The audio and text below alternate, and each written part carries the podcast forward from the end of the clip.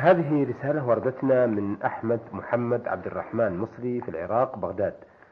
آه، يقول في رسالته أرجو توضيح هذه الأسئلة والرد عليها وفقكم الله. هل يجوز استعمال آه، معاجين أو الأسنان أو المساحيق والسواك آه، في رمضان؟ والإنسان لا يقصد أن يتمضمض.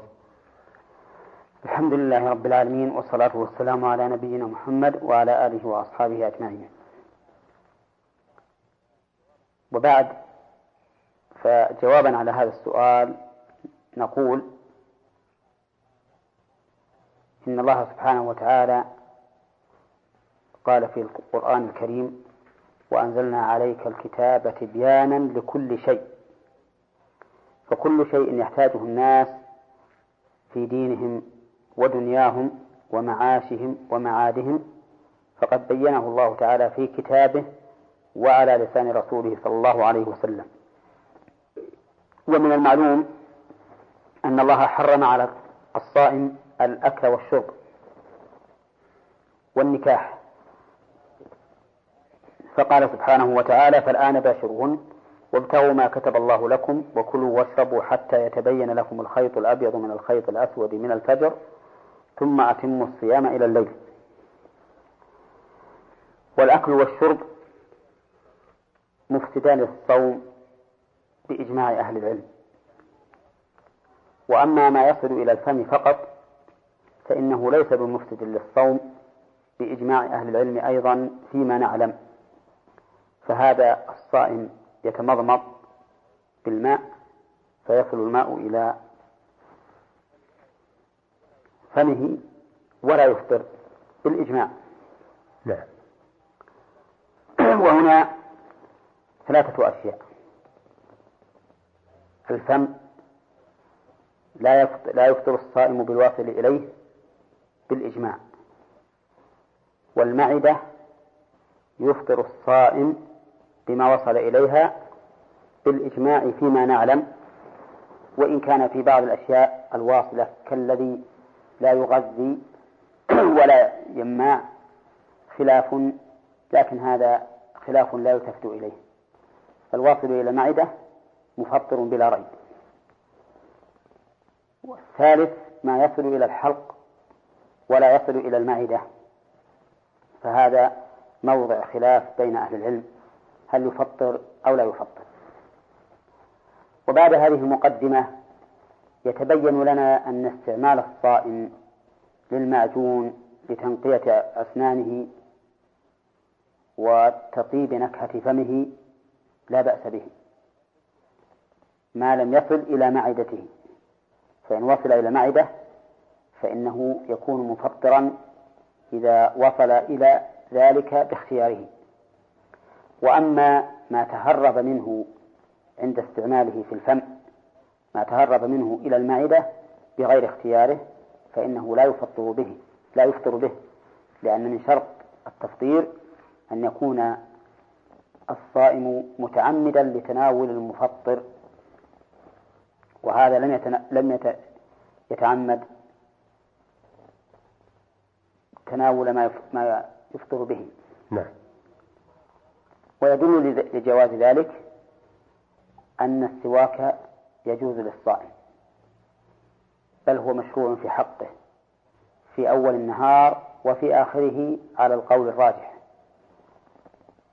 قال عامر بن ربيعة رأيت النبي صلى الله عليه وسلم ما لا أحصي يتسوق وهو صائم. وقال رسول الله صلى الله عليه وسلم لولا أن أشق على أمتي لأمرتهم بالسواك عند كل صلاة. ولم يثبت عن النبي صلى الله عليه وسلم ما يدل على استثناء الصائم بعد الزواج والأصل بقاء النصوص على عمومها. وعلى هذا فيجوز للصائم أن يتسوق وأن يستعمل المعجون ولكن يحترز من أن يصل شيء منه إلى معدته. ويجوز له أن يتمضمض إذا يبس فمه من شدة العطش. فيجوز أن يتمضمض لأجل أن يرطب فمه فيسهل عليه النطق. وكل هذا لا يفطر تقول السائلة إذا صام الشخص في يوم غير رمضان أو وأكل ناسيا هل يبطل صيامه؟ إذا أكل الصائم ناسيا فإن صيامه صحيح سواء في رمضان أو غير رمضان. لقول الله تبارك وتعالى ربنا لا تؤاخذنا إن نسينا أو أخطأنا فقال الله تعالى قد فعلت ولقول الله تبارك ولقول النبي صلى الله عليه وسلم من نسي وهو صائم فأكل أو شرب فليتم صومه فإنما أطعمه الله وسقاه. وأحب أن أزف إلى إخواني المسلمين هذه البشرى وهي أن الله تبارك وتعالى عفى عن كل محرم فعله الإنسان ناسيا أو جاهلا أو مكرها. فقوله تعالى ربنا لا تؤاخذنا إن نسينا وأخطأنا. شامل لكل ما يقع فيه الخطأ والنسيان. وقوله تعالى من كفر بالله من بعد إيمانه إلا من أكره وقلبه مطمئن بالإيمان ولكن من شرح بالكفر صدرا فعليهم غضب من الله ولهم عذاب عظيم. هذا في الكفر. إذا أكره الإنسان عليه وقلبه مطمئن بالإيمان فإن الله لا لا يؤاخذه به فما دون الكفر من باب أولى. وقد وردت أحاديث متعددة في سقوط الإثم عمن كان جاهلا أو ناسيا. لو تكلم الإنسان في الصلاة يظن أن الكلام حلال فليس عليه شيء وصلاته صحيحة. لو أكل الإنسان وهو صائم يظن أن الشمس قد غربت وهي لم تغرب فليس عليه شيء. الحمد لله. لو أكل يظن أن الفجر لم يطلع فتبين أنه طالع فليس عليه شيء. كل محرم فعله الإنسان ناسيا أو جاهلا أو مكرها فليس عليه شيء. وهذا من تيسير الله عز وجل ورحمته بعباده. أما المأمورات فإنه إذا أمكن تدارك الواجب ولو فعل ولو تركه الإنسان ناسيا وجب عليه تداركه. ودليل ذلك أن رجلا صلى في مسجد النبي صلى الله عليه وعلى آله وسلم ولم يطمئن في صلاته فأمره النبي صلى الله عليه وسلم أن يعيد الصلاة وقال إنك لم تصلي. حتى علمه عليه الصلاة والسلام أنه يجب عليه أن يطمئن فدل ذلك على أن ترك المأمورات متى أمكن تداركه وجب على الإنسان تداركه ولو كان قد ترك الواجب جاهلا أو ناسيا. بخلاف المحظورات المحرمات فإن الإنسان إذا فعلها ناسيا أو جاهلا أو مكرها فليس عليه شيء إطلاقا لا في الصلاة ولا في الصيام ولا في الحج. يا شيخ رجل مسافر وهو صائم في رمضان نوى الفطر ثم لم يجد ما يفطر به ثم عدل عن نيته وأكمل الصوم إلى إلى الأذان وأذان المغرب ثم أفطر. يجب عليه القضاء لأنه لما نوى الفطر أفطر. الصوم في الواقع نية نية وترك فإذا قطع هذه النية انقطع الصوم. أما لو قال إن وجدت ماء شربت وإلا فأنا على صومي ولم يجد الماء فهذا صومه صحيح. لأنه لم يقطع النية ولكنه علق الفطر على وجود الشيء ولم يوجد الشيء فيبقى على نيته الأولى. أما لو قضى عن خلاص نوى الفطر ثم لم يجد شيئا يأكل أو يشرب ثم عاد فاستمر فإن صومه ذلك اليوم لا يصح وعليه أن يقضي يوما بدله. كيف نرد على من يقول أن لم يقل أحد من العلماء أن أن النية من المفطرات نقول للذي قال هذا إنه لا يعرف عن كتب أهل العلم شيئا. كتب أهل العلم في الفقه المختصرات. في زاد المستقنع يقول ومن نوى الإفطار أفطر وأنا يا إخواني أحذركم من غير العلماء الراسخين المعروفين بالتقدم في العلم. أحذركم منهم إذا قالوا لم يعلم قائلا بذلك أو لم يعلم أحد قال بذلك لأنهم قد يكونون صادقين لأنهم ما يعرفون أهل العلم ولا طالعوا ولا يعرفوا عنه شيء. فلذلك هذا هذا الذي يقول لا لم يقل أحد بذلك مع أنه في مختصرات الفقه. من والإفطار أكثر. ثم لو فرضنا أنه لم يوجد في كتب العلم أهل العلم لو فرض. أليس النبي عليه الصلاة والسلام يقول إنما الأعمال بالنيات؟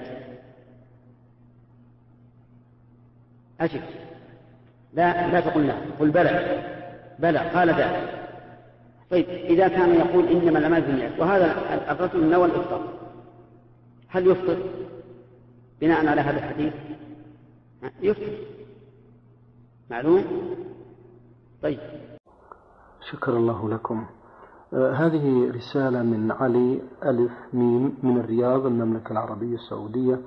آه ضمن رسالته عدة أسئلة. آه أيضا يقول وإذا أسلم الكافر في نهار رمضان هل يلزمه الصيام مع المسلمين مع أنه لم يتعرف على بقية أمور دينه؟ وكذلك إذا أسلم الكافر في أثناء النهار فإن للعلماء في ذلك خلافا. نعم. والراجح عندي أنه يلزمه الإمساك لأن هذا الرجل صار من أهل الوجوب فقد تجدد في حقه سبب الوجوب فلزمه أن يمسك. ونظيره الصغير إذا بلغ في أثناء اليوم فإنه يلزمه الإمساك ولا يلزمه القضاء. وكذلك الكافر إذا أسلم في أثناء النهار لزمه الإمساك دون القضاء لأنه صار من أهل الوجوب. والفرق بين هذين وبين المرأة إذا طهرت في أثناء النهار أن ظهر المرأة في أثناء النهار زوال مانع. وهي قد حل لها انتهاك هذا اليوم مع أنها من أهل الوجوب.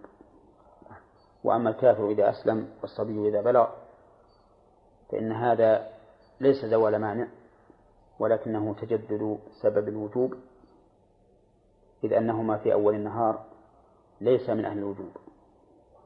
فالمرأة في أول النهار من أهل الوجوب لكن فيها مانع. والكافر والصغير في أول النهار ليس من أهل الوجوب.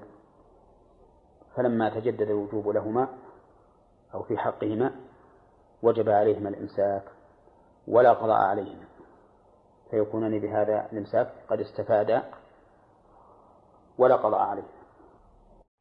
حفظكم الله. نختم هذا اللقاء بسؤاله الثاني. يقول إذا احتلم الصائم في نهار رمضان وهو مستيقظ من أثر النظر أو التفكير فماذا يلزمه؟ وهل يكمل الصيام لذلك اليوم؟ وهل عليه كفارة أو قضاء بعد رمضان؟ السؤال هذا عجيب. لأنه يفهم منه أنه احتلم وهو يقظان. والاحتلام إنما يكون في النوم. ولكن لا بد من الإجابة. فنقول الاحتلام في النوم لا يضر الصائم أبدا. لأنه ممن رفع عنه القلم.